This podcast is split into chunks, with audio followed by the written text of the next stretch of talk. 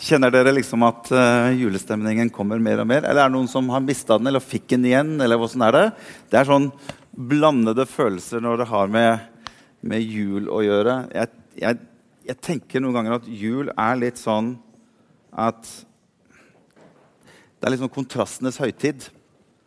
Og Jeg kunne også tenkt meg å ha litt mer si, lys i mørket på eh, den gjengen som sitter foran meg her. Så hvis de kunne også komme inn i lyset litt, så hadde det vært fantastisk. Jeg ser disse fantastisk flotte menneskene. Hei, dere! God dag. Riktig god jul! Godt å se dere. Jeg, jeg, tenkte jeg skulle høre med dere. Eller er det noen av dere mannfolka her som skal være julenisse i kveld? Ja, Det kan du kanskje ikke Nei, det, går, det nytter jo ikke. Det nytter ikke å spørre om det, for blir jo, det blir jo helt feil. Hæ? Er det noen barn som tenker nå Hæ? Hva, hva skjer nå? Altså, Vi menn vi har jo egentlig tre faser når det gjelder dette med, med julenisse og tro. Fordi at Den første fasen det er jo sånn at da tror vi på julenissen. Andre fasen da tror vi ikke på julenissen. Og den tredje fasen så er vi faktisk julenissen. Så det er litt sånn de fasene når det gjelder det med å, være, å ha tro og, og, og julenisse. Og så har du litt mer den der delen av julen som er, er den, den, manipulerende delen av julen. Jeg vet ikke hvor, hvor, du ligger hen i den skalaen. Jeg bare hørte en historie om en liten gutt som han ønsket seg så veldig en sykkel til bursdagen sin. Så han hadde faktisk gått ned på kne og så ba han til Jesus kjære Jesus, kan du hjelpe meg med å få en sykkel til bursdagen min. Og det dukket ikke opp noen sykkel til bursdagen hans. Nå hadde ikke han bursdag så veldig langt unna julen, så han tenkte at han skulle gi Vår Herre en liten sjanse til når julen kom. Så han tenkte at jeg må finne på et eller annet for å legge litt større press på Vår Herre i, i forhold til dette med å kunne få et svar på, på bønnen min. Så han hadde funnet en statue av, av, Maria hjemme hos seg. Så han hadde tatt den statuen, gjemte den, pakket den godt inn og gjemte den lengst inne i klesskapet sitt. Og når julen nærmet seg, så gikk denne lille gutten ned på kne og så sa han, 'Kjære Jesus, hvis du vil se mora di igjen, så gir du meg en sykkel til jul.' Så der har du litt mer den der manipulerende måten å, å håndtere jul på. Eh, jeg, vet, jeg spurte Anette her forrige dagen er det noe som heter skrekkblandet julefryd. Eh, for jeg, jeg, opplevde et eller annet når jeg var på, på Storsenter her for noen dager siden og skulle handle noe. Og Jeg kjører inn på parkeringshuset og legger merke til at det er nesten fullt overalt. Det eneste står Det er fem plasser igjen på parkering level 3. Og jeg kjører jo inn i god tro at jeg finner jo en av de fem. Og faktisk så gjorde jeg det. Jeg fikk en plass helt ved inngangen til kjøpesenteret. Det er jo bare en julepakke i seg selv, tenker jeg. Og Så går jeg inn og så handler jeg litt, og så tenker jeg at eh, jeg skal handle mer, men jeg orker ikke å gå rundt og bære på det jeg går rundt med nå. det er kanskje noen av dere som kjenner det igjen, Så jeg går opp og så legger jeg det i bilen, og så går jeg inn igjen og så fortsetter jeg å handle. Og jeg går ut, og jeg, jeg er liksom litt sånn uoppmerksom. Jeg, jeg, jeg, skjønner liksom ikke helt hva som skjer. For når jeg kommer ut døren og jeg begynner å gå mot bilen, så begynner jeg å merke at et eller annet skjer liksom i hele etasjen rundt meg. Det er akkurat som jeg merker at det er noe som beveger seg samtidig på utsiden av meg selv mot der hvor jeg går. Og, og det er nesten sånn, Hvis jeg stopper opp, så stopper det opp. Og når jeg begynner å gå, gå, mot bilen, så begynner det å nærme seg mer og mer. Det er akkurat som jeg blir en slags sånn target av et eller annet. Det er nesten som en sånn sniper med sånn, du ser sånn rødt, et sånt rødt eh, lite sånn der, eh, eh, prikk på, på, på, kroppen din. Og det følger med deg. Og jeg bare observerer liksom at det var da voldsomt hvor interessant det var. Alle øynene var liksom meg, og den kommer nærmere og nærmere. Jo nærmere jeg kommer bilen min, så dras det liksom inn fra siden. Er det noen av dere som har merka det? Og jeg lukker jo opp bagasjelokket mitt og legger varene inn, og da er de ganske tett innpå. Dette som er liksom på utsiden av meg selv, og jeg smeller igjen lokket. Og da kommer jo jeg på en måte til et type veiskille, for da er de ganske tett innpå. Og jeg tenker meg selv, hva gjør jeg nå, liksom? Og jeg var et eller annet, liksom et eller annet sånn, jeg vet ikke hva som for i meg da, men jeg kjente litt sånn skrekkblandet sånn julefryd. Jeg har plass. Og det er ingen av det, å ja, dere vil ha, å ja, det er det det er snakk om. ja, dere vil ha plassen min. Og jeg skulle jo ikke gi den til noen. Nei, Jeg skulle jo bare inn og fortsette å handle. Og jeg vet ikke om jeg syns synd på de på en måte som kanskje har tenkt at nå er det jo min tur til å få endelig en plass på dette storsenteret. Og jeg gikk jo inn, og jeg gjorde det to ganger bare for å få litt den der følelsen av å være litt sånn der. Så jeg tenker at det må være litt sånn skrekkblandet julefryd, tenker jeg. Er det noen av dere som har vært med på det der før? det, og jeg, jeg, kunne liksom ikke begynne liksom, jeg, når, jeg, snur meg, Hva gjør du da? Skal du liksom få øyekontakt med alle de der såkalt, hva skal si, de der fiendene på utsiden som er på jakt etter plassen din? Skal du ta en sånn øyekontakt da, gjennom bilruta? liksom? Det blir jo for dumt. Så jeg bare gikk inn igjen og bare kjente å, så deilig det er å ha en plass her. Jeg kan bare gå, ta, vet du hva Det verste som fins, hvis du sitter her, så ikke gjør det. Det verste som fins, er når folk setter seg i bilen og bruker sinnssykt lang tid for å komme seg ut derfra. Skrudd på motoren, lysene er på, fram med mobilen. Og så skal du oppdatere Facebook-sida di akkurat da når vi andre står og venter på å få din plass. Det er kanskje mitt lille sånne jule... Eh, liksom, kan vi tenke litt på det i jula? Og kanskje ikke bruke så lang tid når vi skal ut av parkeringsplassen på, når vi står og parkerer. Ok, Hva har dette med budskapet ditt i dag å gjøre? Det har absolutt ingenting med budskapet mitt i dag å gjøre. Men julen er en fantastisk høytid. Tenk på det at Julehøytiden den feires av over to milliarder mennesker over hele verden. Den feires i over 160 land, og den feires på over 2000 språk. Det er desidert den største høytiden som fins i dag over hele verden. Likevel så er det så mange mennesker som stiller seg spørsmålstegn ved denne historien. Og det er noe av det som jeg har bare lyst til å ta litt tak i. For at veldig mange mennesker spør seg liksom Er det sant, det som vi hører om i juleevangeliet, som ble så fantastisk flott lest opp her? Er det sant? Kan vi tro på det? Og ikke bare nok med det, men vi spør oss også i dag er det, og det er litt sånn nyere, er det, er det sunt? Er det sunt å ha en sånn type tro? Er det, er det, godt for oss? Er det sunt? Er det bra for familie? Er det bra for barn? Er det godt for samfunnet vårt? Og i det hele tatt ha type religion. Og det kommer liksom opp mer og mer i dag. Og det er noe av dette som jeg bare har lyst til å si litt om. Fordi at jeg har lyst til å ta litt utgangspunkt i det som er juleevangeliet, opp imot det at når du og jeg som mennesker, når vi hører nyheter, enten en nyhet er god eller en nyhet er dårlig, så har du og jeg som menneske Vi, er, vi reagerer at når vi, når vi, som mennesker når vi hører en dårlig nyhet, så er vi sånn som mennesker, vi er skrudd sammen sånn at vi håper at det ikke er sant. Og så er vi sånn skrudd sammen som mennesker at vi, hvis vi hører en veldig god nyhet, da er vi sånn at vi håper at det vi hører, er sant. Og sånn er vi bare sånn, Dette er noe som psykologene sier. det er ikke noe som Morten sier, men det er sånn psykologene sier at sånn er vi som mennesker. Vi er bare skrudd sammen. For eksempel, hvis du, sett, hvis du er på Google, eller et eller annet, så kommer du over et eller annet som står i, i, på, på, på, skjermen din, så står det her eh, Ny forskning viser at fet julemat og prosessert sukker forlenger liv og helse. Og Hvis du får den liksom rett i fleisen når du sitter der, så tenker du hm, ny forskning viser det her, er, det, her er jo, det her er jo gode nyheter, tenker jeg. i utgangspunktet. Og jeg tror de fleste av oss, hvis vi hadde vært ærlige, så tenkte jeg jeg må jo klikke for å sjekke hva dette her er for noe. Sånn at i utgangspunktet Når vi hører en, en god nyhet, så er vi litt sånn at vi ønsker kanskje å sjekke ut om er det virkelig sant. Kan jeg stole på det? Og det er noe av det som jeg har lyst til å ta litt tak i opp imot det som har med juleevangeliet og julekvelden som vi har her.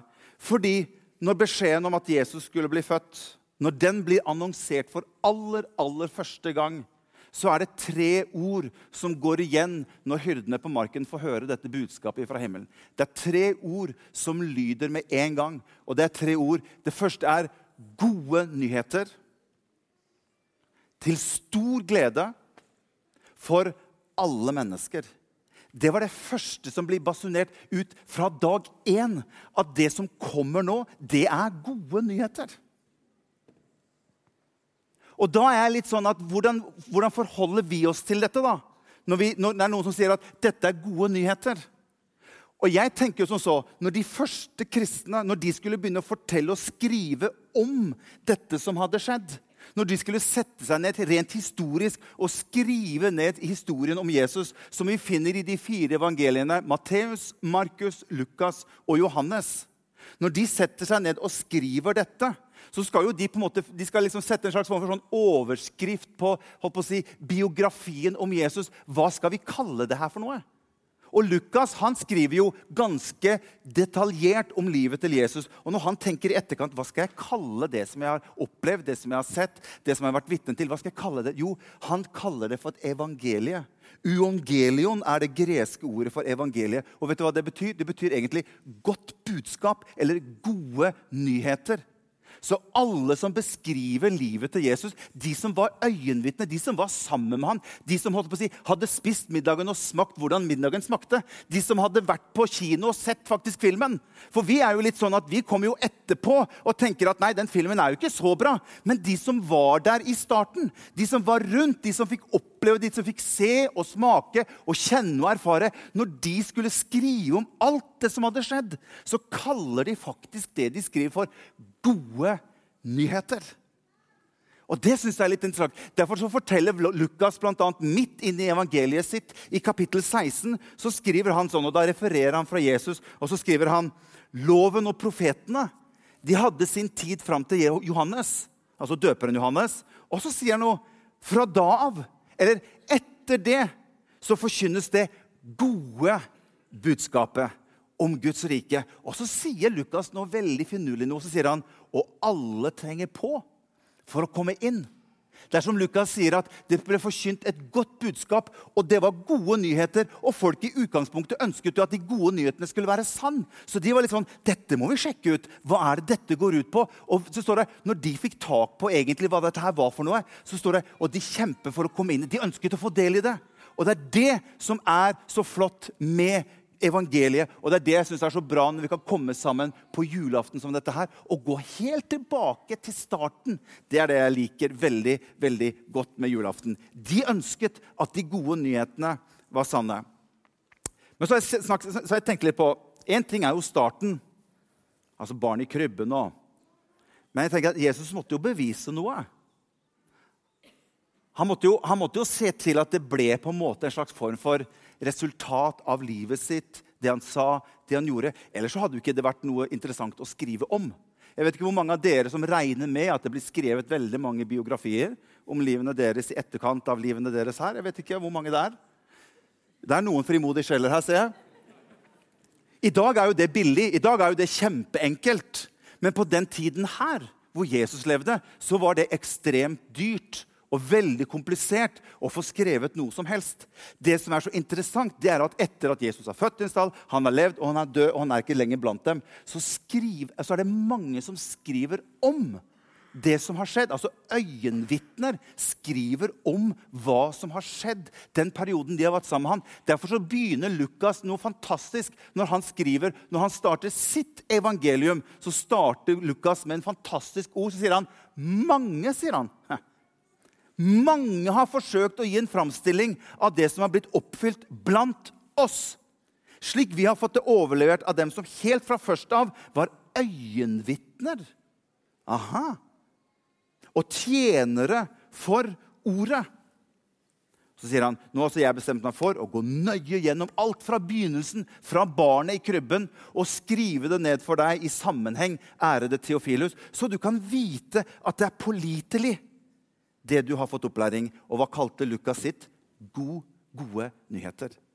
Godt budskap. Stor glede. Og dette er noe som gjelder for alle mennesker.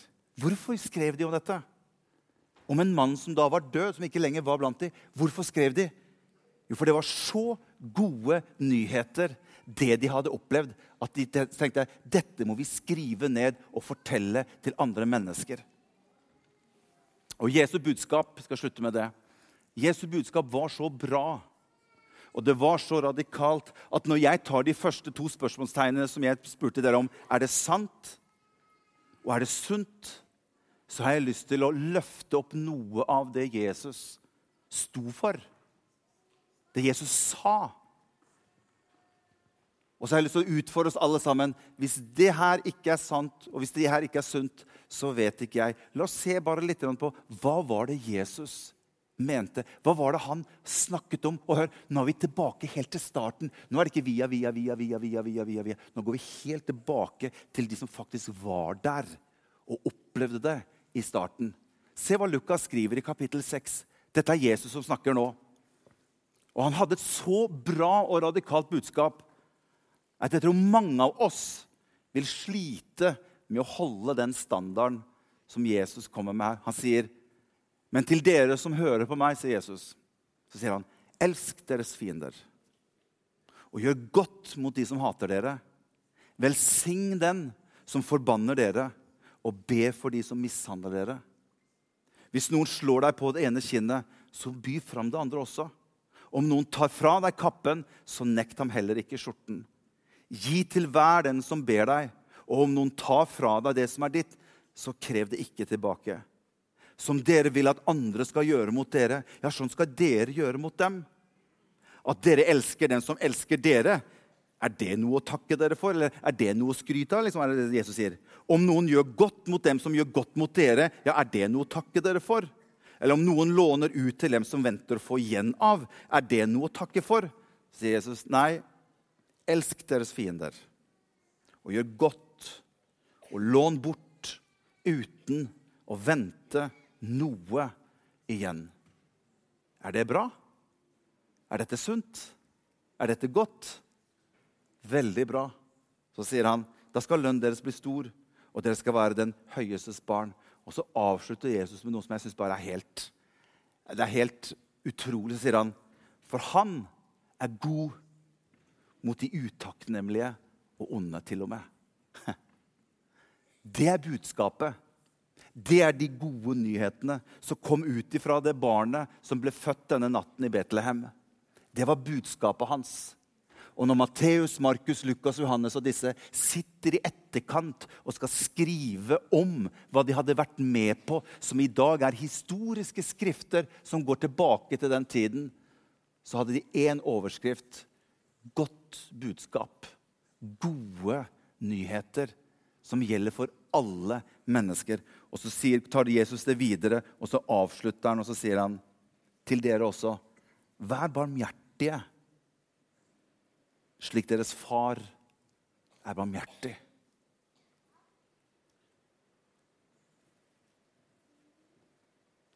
Så Hvis ikke dette budskapet har truffet deg som gode nyheter, så kan det være at den versjonen som du har fått servert eller opplevd eller erfart, eller kanskje noe du har vokst opp med, eller møtt og sett gjennom andre mennesker, Kanskje ikke det var originalversjonen. Men her leser vi om originalversjonen. Og det er det som er så flott med, med, Bibelens budskap rundt julen. Det at Vi kan gå tilbake og så kan vi se hva var egentlig utgangspunktet. Hva var det egentlig han sto for, og hva var budskapet til Jesus? Og får vi tak på det, så er det gode nyheter. Da er det en stor glede. For alle mennesker. Velsignet jul til dere alle sammen. Takk for meg.